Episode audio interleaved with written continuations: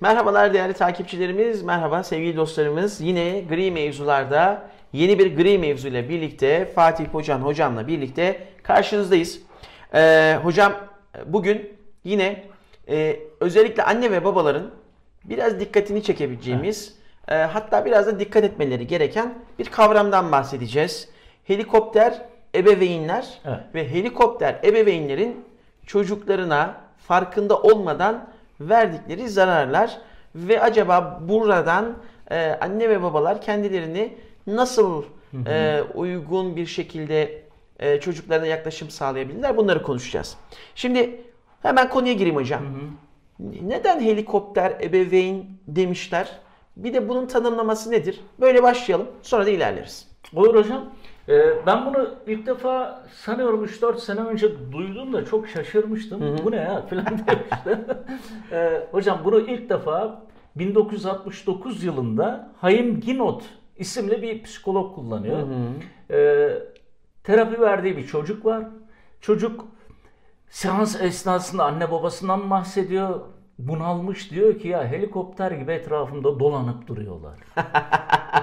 Dolayısıyla adamcağız o günkü Orada- seanstan sonra literatüre kazandırıyor. 1990 yılında ise e, Foster Klein ve Jim Fay isimli biri psikolog, biri eğitimci bir kitap yazıyor hocam. O kitap da kült kitaplardan biridir ebeveynlik konusunda. Parenting with Love and Logic diye yani e, sevgi ve mantıkla ebeveynlik diye çevrilebilir. Orada da resmen bunu kayıt altına alıyorlar. Helikopter ebeveynlik ne hocam? Ya her anne gibi, her baba gibi e, bazı anne babalar da elbette çocuğunun iyiliğini istiyor. Çocuğunun güvenli olmasını istiyor, sağlıklı olmasını istiyor, muhteşem bir geleceğinin olmasını istiyor. Burada hiçbir problem yok. E, Hangi anne baba çocuğun kötülüğünü ister ki? Evet. Biricik. çok güzel. Aynen öyle hocam. Ama hani marjinal fayda dediğimiz bir nokta var ya o noktayı aşıyor bunlar. Ve o noktadan sonra çocuğuna e, göstermiş olduğu her ilgi şu mesajı içeriyor. Çocuk sen beceriksizsin aslında ben olmazsam sen hayatta hiçbir şeyi beceremezsin. Helikopter ebeveynlik dediğimiz zaman işin içinde aslında aşırı ilgi var. Ee, aşırı ilgiden bir insan bunalır mı? Evet bunalır ama çocuklar maalesef bunalmıyor. işlerine geliyor. Tabii. Niye hocam? Düşünsene. 10-11-12 yaşında çocuksun. Etrafında senin hayatını e, sürekli düzenleyen bir organizatör, sana her konuda yardımcı olan bir asistan, ihtiyacın olan her yere anında sıcak veya serinletilmiş arabayla götüren bir şoför var. Aynı zamanda bu senin yakın koruman, bodyguardın. Dolayısıyla çocuklar e, elbette bundan hoşlanıyor. Çünkü hiçbir zorlukla Ve karşılaşmıyorlar. müthiş bir konfor alanı. Evet. Aynen öyle hocam. Müthiş bir konfor alanı. Türkiye'de ilk ve en kapsamlı araştırmayı bununla ilgili e, Hasan Yılmaz ve Ayşe Büyükçebeci yapıyor. Doktor bunlar. E, 2018 yılında yapıyorlar. 549 e, üniversite öğrencisinden oluşan, yaşları 17 ila 26 yaş arasında üniversite öğrencisinden oluşan bir örneklem üzerinden e, anne baba tutumlarının e, pozitif psikolojideki onu okuyacağım hocam hata yapmamak için e, öz yeterlik, yaşam doyumu, psikolojik iyi oluş ve iyimserlik e, ana değişkenleriyle anne baba tutumu arasındaki ilişkiyi inceliyorlar. Ve şunu görüyorlar. Ee, anne babanın ilgisi arttıkça çocukların bahsetmiş olduğum bu alanlarındaki gelişim negatife dönüyor. Duygusal iklimleri negatife dönüyor. Yani anne baba çocuğuyla ilgilenirken bu çocuğun gelişimine pozitif etki ederken bir noktadan sonra o aşırılık noktasından sonra tersine dönüyor ibre. Şimdi bu anne babaların bazı özellikleri var hocam. Nedir? Bir defa bunlar e, sürekli çocuklarıyla hemhal. Yani onların hayatını sadece çocuklar işgal etmiş durumda. Hangisine gitseniz çocuğundan bahseder, Ee, çocuğu sınava girecek, çocuğu ay ateşli mi, ay burnum akıyor, ay öksürdü mü filan. Mesela ortak özellikleri şeydir. Şu e, şeyi duyarsın ondan. E yarın sınavımız var. Kızınız ne yaptı? Hukuku kazandık. Hukuku kazandık. ya hiç keyfi yok. Hayırdır lan midemiz ağrıyor. Evet, evet. Ya, evet. çocuğun midesi kendiliğinden ağrıyamıyor. Annesiyle birlikte arıyor. Bir şey diyordun Bu- hocam. hocam yok çok güzel örnek. Harika bir örnek. Buna da dikkat çekmek gerekiyor. Evet. Yani e, bu çocuğun biraz önce ifade ettiğim gibi psikolojisini de e, etkiliyor. Anne ve babanın bunu anneler biraz daha fazla hı. yapıyorlar. E, hep gözlemimiz o şekilde. E, o zaman da kendinden ayrı bir birey olduğunu zaten yavrusunu kabul etmiyor. Aynen. Aynen hocam. İki, hemhal olduğu için çocuğuyla sürekli kendine ait bir hayat yaşayamıyor anne baba. Özellikle anne. Kendinden vazgeçiyor. Çünkü Yani geri bütün geliyor. hayatını çocuğuna vakfetmiş durumda. Çocuk hayatında o kadar büyük bir yer işgal ediyor ki kendine zaman ayıramadığı gibi ailenin sosyalleşmesine de o aura, o ortam müsaade etmiyor. Çocuklarına bu aileler sorumluluk vermiyor hocam. En önemli problem bu. Ee, yani bırak çocuğun e, gelişmesi için ekstra verilecek sorumluluklara çocuk kendi görevlerini bile yapmıyor bu tip aile ortamlarında. Odasını anne topluyor, okul çantasını anne tanzim ediyor. Ödevler zaten çok dikkatli bir şekilde e, takip ediliyor. Yani öğretmenden daha iyi tanıyor anne baba çocuğunu. Hatta çocuk annesine şöyle bir şikayette bulunuyor. Anne babam ödevimi yapmıyor. Çok iyi. Aynen öyle. Evet. Ee, hocam yani tabi burada şu örnek verilebilir yani bir vücut geliştirmeci vücudunu geliştirebilmek için sürekli ağırlık artırır. Dolayısıyla acı çeker. Yani bir mühendisin çok zor matematik problemlerini çözmemesi diye bir şey söz konusu bile olamaz. Ee, o zorluğu çekecek ki çok iyi bir mühendis olabilsin. Dolayısıyla bu çocuğun da hayatında bazı zorlukları yaşaması ve çekmesi lazım ki Evet. geliştirebilsin kendini. Buyur Evet. hocam. Aklıma hocam Muhammed Ali'nin harika bir şeyi geldi. Muhammed Ali'ye sormuşlar demişler ki günde kaç e, şınav çekiyorsun? Diyor ki saymadım. Benim kriterim şu. Canım acımaya başladıktan sonraki kısım benim için çok Ya, önemli. evet. Ondan sonraki ya canı acıyıncaya kadar şınavını çekiyor çekiyor. Onu göz önünde bulundurmuyor. Canı acımaya başladıktan sonraki kısım onu da saymıyor. Evet. Evet. Ee, hocam şimdi bütün bunlardan sonra bu ailenin kaygı seviyesinin normal olması beklenemez. Tabii. Ee, biraz önce dedik ya çocuğun eğitimi sürekli kafasını meşgul ediyor. Özellikle sağlığı kafasını meşgul ediyor. Mesela o tip anne baba yapılarına baktığınız zaman çocuğun beslenmesi çok acayip önemlidir. Acayip önemlidir. Böyle acayip şeyleri birbirlerine karıştırırlar. Bomba etkisi yapmasını beklerler herhalde. İçirdikten sonra çocuk süpermen olacak. Elbette dengeli, elbette doğal beslenmek apayrı da hani burada yine bir aşırılıktan bahsediyoruz. Dolayısıyla çocuğun her şeyi bu ailede, bu ebeveynlerde kaygı yaratıyor. E bunlar bir başka özelliği koruyucu ve kontrolcüler. Ee, çocukların bütün hayatını tanzim etme, bütün hayatını kolaylaştırma adı altında her şeyini kontrol ediyor. Ee, her noktasında e, takip ediyor. Ee, çocukları hiçbir zaman hata yapmaz bu tip ailelerin. Yani öğretmen hatalıdır, okul yanlış yapmadı, yapmıştır, arkadaşı kasıtlı yapmıştır. Anlatabiliyor muyum? Ee, dolayısıyla hatayı hiçbir zaman çocuklarında aramazlar. Genelde çocuğunun bütün alanlarını doldurmaya çalışırlar hocam. Çocuk okuldan çıkar, gitar kursuna gider. Hafta sonu paten kursundan çıkar. Efendime söyleyeyim keman kursuna zor yetişir falan böyle. Bütün alanları doludur. Ee, ya burada tabii ki eleştirmiyorum ben. Yani çocukların ilgi alanlarını tespit edebilmek için elbette deneyimlemesi lazım bazı şeyleri ki bunları deneyimlemeden bu çocuk sanata uygun mudur, spora uygun mudur? Hangisini iyi yapar? Hangi sporu daha iyi yapar, hangi sanat dalında daha iyidir falan anlayabilmek lazım. Ama efendime söyleyeyim 6 yaşından 16 yaşına kadar çocuklara böyle bir yaşantı yaşattığımız zaman hiçbir konuda iyi olamıyorlar bu çocuklar ve çok kısa bir süre sonra pes ediyorlar.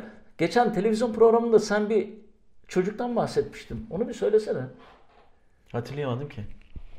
Ya çocukla seans yapıyorsun. Çocuk böyle gözleri feri kaçmış. Sen diyorsun ki yorgun musun? Kom TV'de yapmıştık ya. Hocam vallahi hatırlayamadım Aa. ya. Vallahi şu an hatırlayamadım. Tamam. Hatırlayınca anlatırız. Tamam. Şu şu anda Hocam genel olarak e, helikopter ebeveynlerin özelliği bu. E, burada bir şey daha belirteceğim. Sözü sana vereceğim sonra. Şimdi her anne baba çocuğun iyi olmasını ister dedik hocam. Çocuğunu geliştirmek için, onların iyi olması için bazı araçları kullanır. Nedir bu araçlar? Destekleme, katılım, ödül, ceza, koruyuculuk, özgür bırakma, müdahale etme, sıcak ilişkiler, onaylama, kontrol, izleme, disiplin gibi araçlar kullanır. Ben de bunları kullanıyorum. Evet. Birkaçını, hepsini. İlavelerim var filan. Ama helikopter ebeveynler destekleme, koruyuculuk, izleme ve kontrol araçlarını çok fazla kullanıyorlar.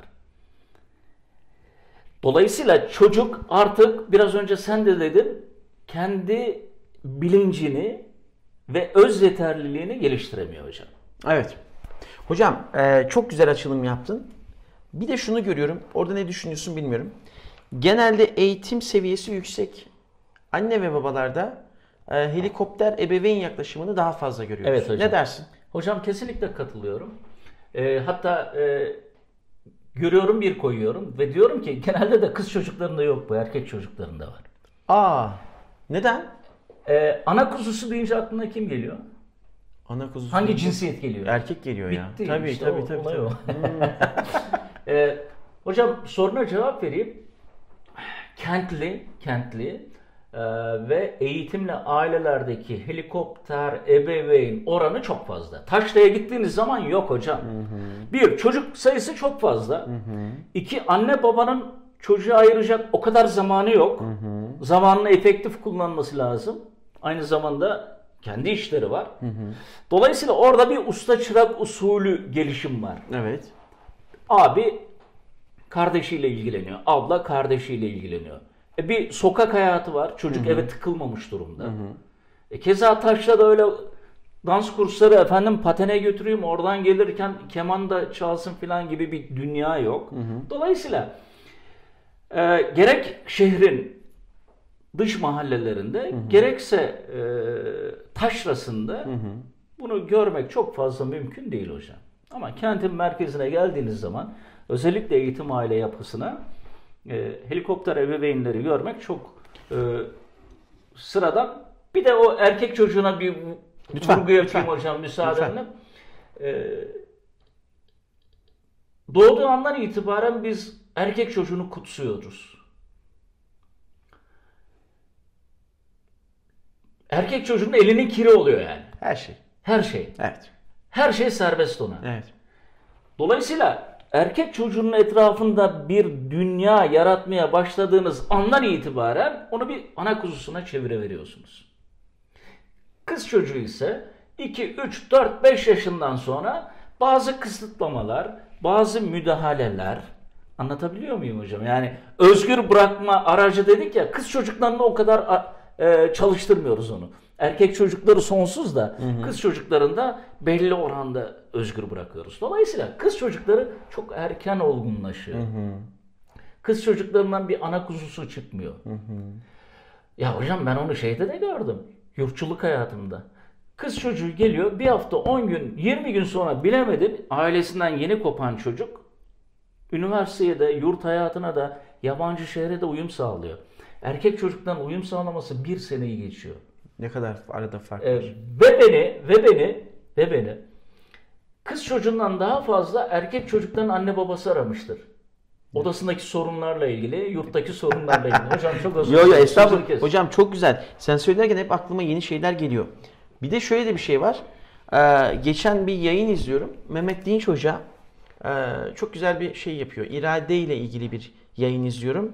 Orada şöyle bir istatistik var. Dedi ki erkek çocukların iradesi kız çocuklarından daha zayıftır.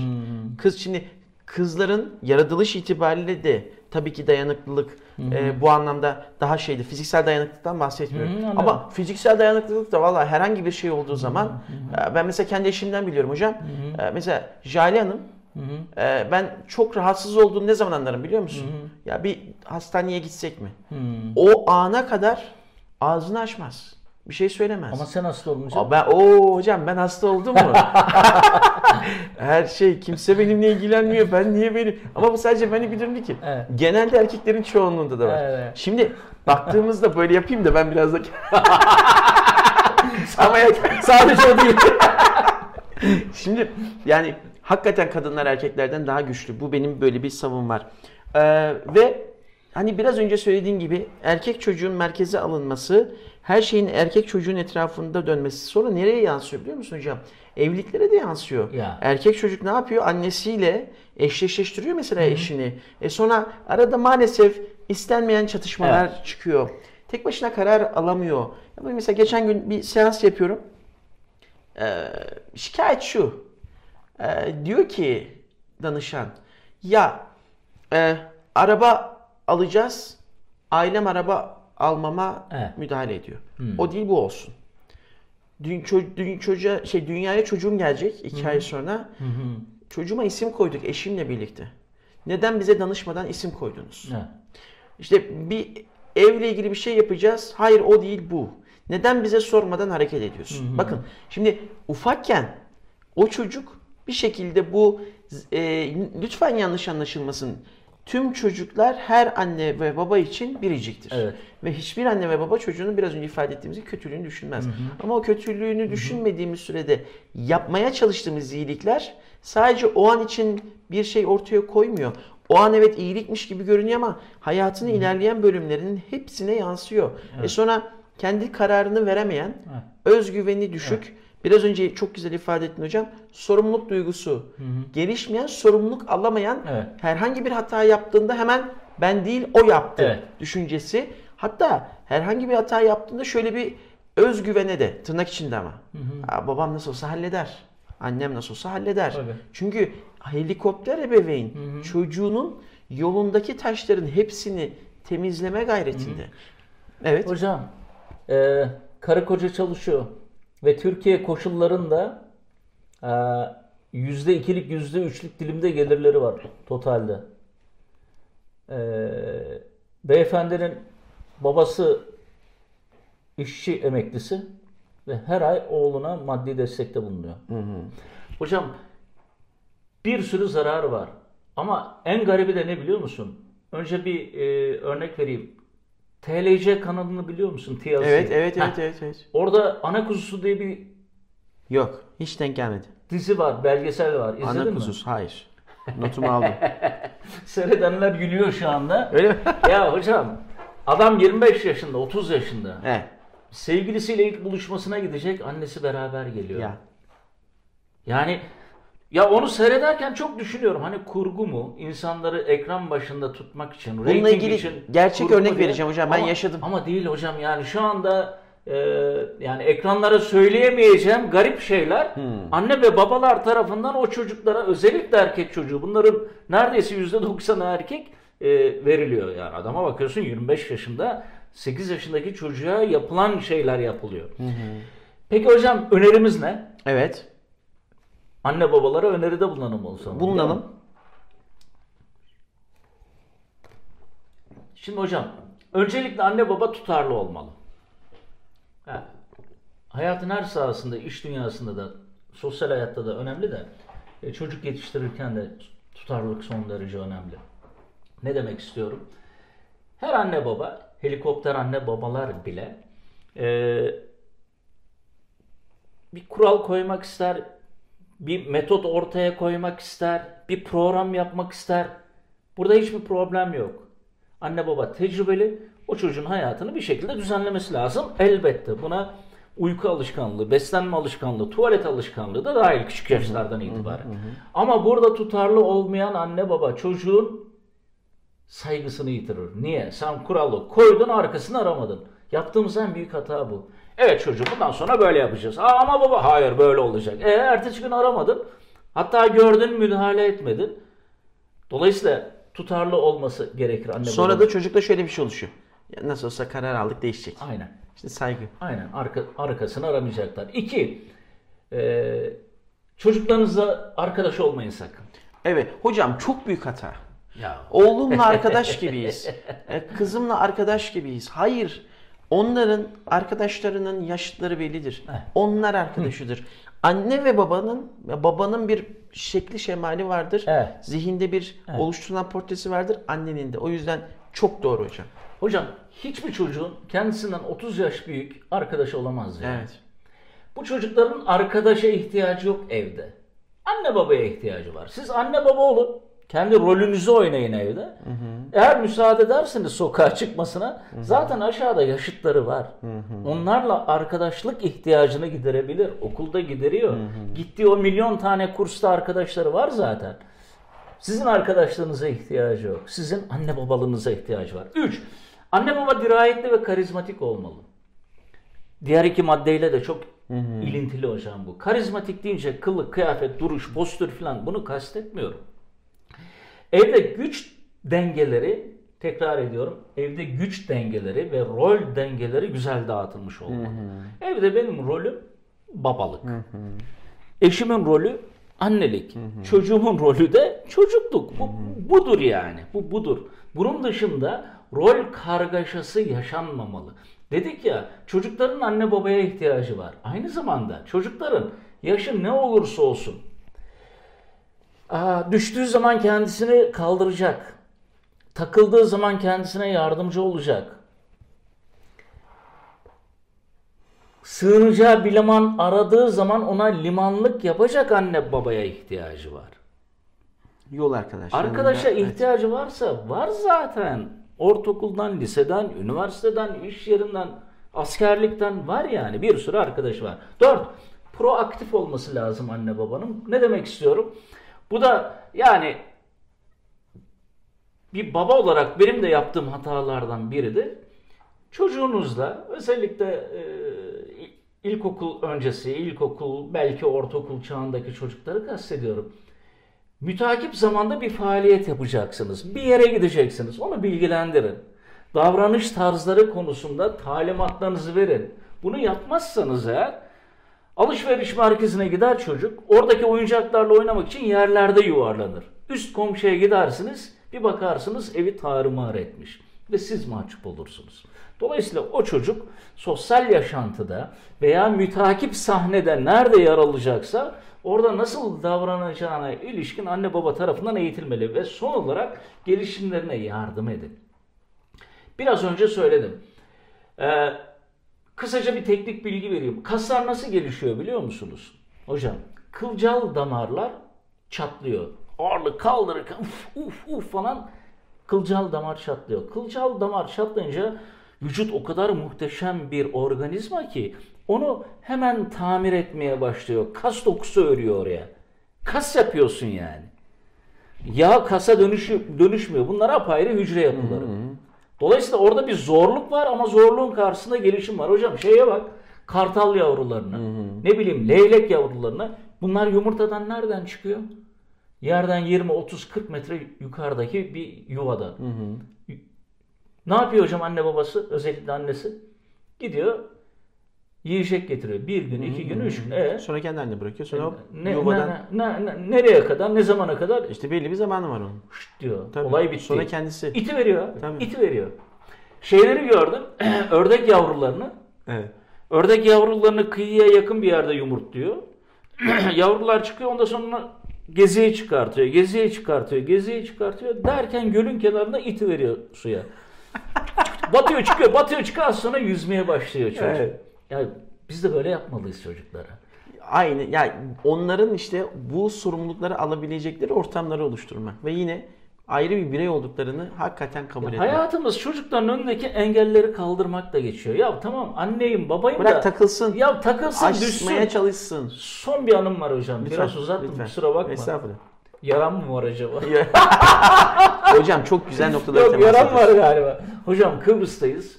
Kızım o zaman 99'da gittik. Kızım 96 Kasım. Demek ki iki buçuk yaşında bile değil. Tamam mı?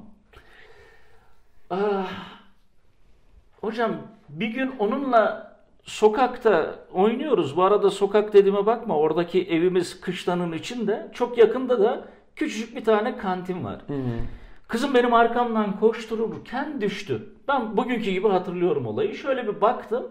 Dizi sıyrılmış. Hafiften kanıyor. Ağlamaya başladı. Ben şöyle döndüm. Kalk yavrum dedim. Hiçbir şey olmaz. Hadi bakalım. Beni takip ediyorsun dedim. Bu ağladı ağladı ağladı. Kızım dedim takip et beni. Az sonra sustu. Takip etmeye başladı ve oynadık. Hocam aradan abartmayayım ama 15 sene geçti derken o kantindeki kantinci asker beni aradı. Aa. Komutanım nasılsınız, iyi misiniz, saygılarımı sunuyorum bilmem ne falan. Ah canım dedim sağ ol ben de iyiyim teşekkür ederim sen nasılsın? Komutanım dedi bir şey itiraf edeceğim ya. Et bakalım dedim. Ya dedi ben sizden nefret ettim ya dedi. Allah dedim ne oluyor ya? Ama dedi sonra sizi anladım ya dedi. Şimdi hocam askerlikte tabii zor şeyler yaptırıyorsun Tabii. çocuklara ama o sırada anlayamıyorlar. Sonradan hakkını veriyorlar. Tabii. Öyle bir şey zannettim ben. Komutanım dedi çocuğum büyüyünce anladım ben o. Çocuğum olunca anladım dedi. Ne oldu dedim bu olayı anlattı bana. O gün o çocuk bizi nasıl gözetlemiş. Kızım düşünce onun içi parçalanmış. Benim ne kadar ilgisiz, gaddar, sert bir baba olduğumu düşünmüş. O gün benden nefret etmiş. Ne zaman ki diyor çocuklarım oldu, ikinci çocuğum oldu. Ben de diyor sizin ne yapmaya çalıştığınızı o anda anladım diyor. Vay be. Dolayısıyla bu çocukların önündeki engelleri sürekli kaldırmayalım. Takılsınlar biraz. İ- İrem'le paylaştınız mı? İrem Bu biliyor. iki. Biliyor. Hatırlıyor mu o Tabii. anı? Ya İrem'in şu anki yorumu ne? O anla İrem'e alakalı. dokunsan çok başka anılarını da anlatır yani. Onu yetiştiriş tarzımla ilgili. Hmm. Ama işte bu bu hocam. İşte biz aman öyle olmasın, aman şöyle olmasın derken işte inanılmaz koruyucu koruyucu olduğumuz Hocam- için çocuklar hocam kendi ayakları üzerine adım atmaları gerektiği zaman sudan çıkmış balığa dönüyorlar. Ve ne yapacaklarını bilmiyorlar. Hayata hazırlanmıyorlar Vallahi hocam. hocam. İrem'i geçen sene İngiltere'ye gönderdik biliyorsun. Yani elbette bir anne baba olarak endişe duyduk tabii ki de. Ya ama yani seni temin ediyorum en ufak bir kaygı yoktu içimde. Çünkü ben biliyordum ki benden daha iyi orada ayakta durur. E demek ki o gün düşünce kaldırmamamın da etkisi ve daha nelerin, daha nelerin. O yüzden e, sevgili anne ve babalar, bizi izleyen anne ve babalarımız, biricikleriniz, yavrularımız biriciğimiz bizim. Ama onların da kendilerine ait hayatları var Evet. ve bırakın hata yapsınlar. Bırakın o hatalarının sorumluluklarını almaya çalışsınlar. Bırakın birazcık o hataları çözebilmek için cebelleşsinler, Evet. uğraşsınlar. Baktınız olmuyor. Anne ve baba olarak zaten siz onlara her zaman destek olacaksınız. Zaten onların yanında olacaksınız. Ama bırakalım hata yapsınlar, gözlemleyelim ve kendi hayatlarını yaşamalarına izin verelim. Hocam e, şu anda 40-50 yaşında olan, 60 yaşında olan insanlara baktığımızda, e, Türkiye'nin jeopolitik gelişimine de baktığımızda e, öğretim seviyesinin, eğitim seviyesinin çok yüksek olmadığı dönemlerde, e, tarım işte toplumu olduğumuz dönemlerde, köylerde olduğumuz dönemlerde o çiftçilikle uğraşan insanların çocukları neler yaptılar? Evet. Yani Evet, şimdi baktığınız zaman orada şeyi görmüyorsunuz işte helikopter ebeveyni görmüyorsunuz. Çünkü orada çocuk kendi başına bir şeyleri çözüyor, bir şeyleri fark ediyor ve hayatta tutunması gerektiğini hissediyor. Şu da anlaşılmasın. 2021'deyiz. Bunun da çok farkındayım. Dönem değişti. Bunun da çok farkındayım. Ama el alem ne der korkusuyla, benim çocuğum onların yanında başarısız olur korkusuyla, ödevini yapmazsa arkadaşlarının arasında mahcup olur korkusuyla, şu iş daha iyi o işi kazanabilmesi korkusuyla yapılan baskılar ben şunu görüyorum hocam. Uzattığımın farkındayım hemen toparlayacağım.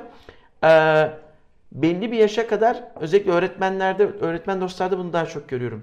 Belli bir yaşa kadar çocuğuyla ders çalışan, çocuğuna ders çalıştıran öğretmen dostların belli bir zamandan sonra geri çekildiğinde çocuğunun tek başına artık ders çalışma alışkanlığını kaybettiğini görüyoruz. Aynen. Ve çalışırken anne lütfen, baba lütfen benim yanımda olun, Evet. beraber çalışalım. Şimdi e, benim danışanlarım, senin de öyledir hocam. Çoğunluğu öğretmen mesela. Evet. Ve öğretmen dostlar diyor ki belli bir yerde kalıyorlar.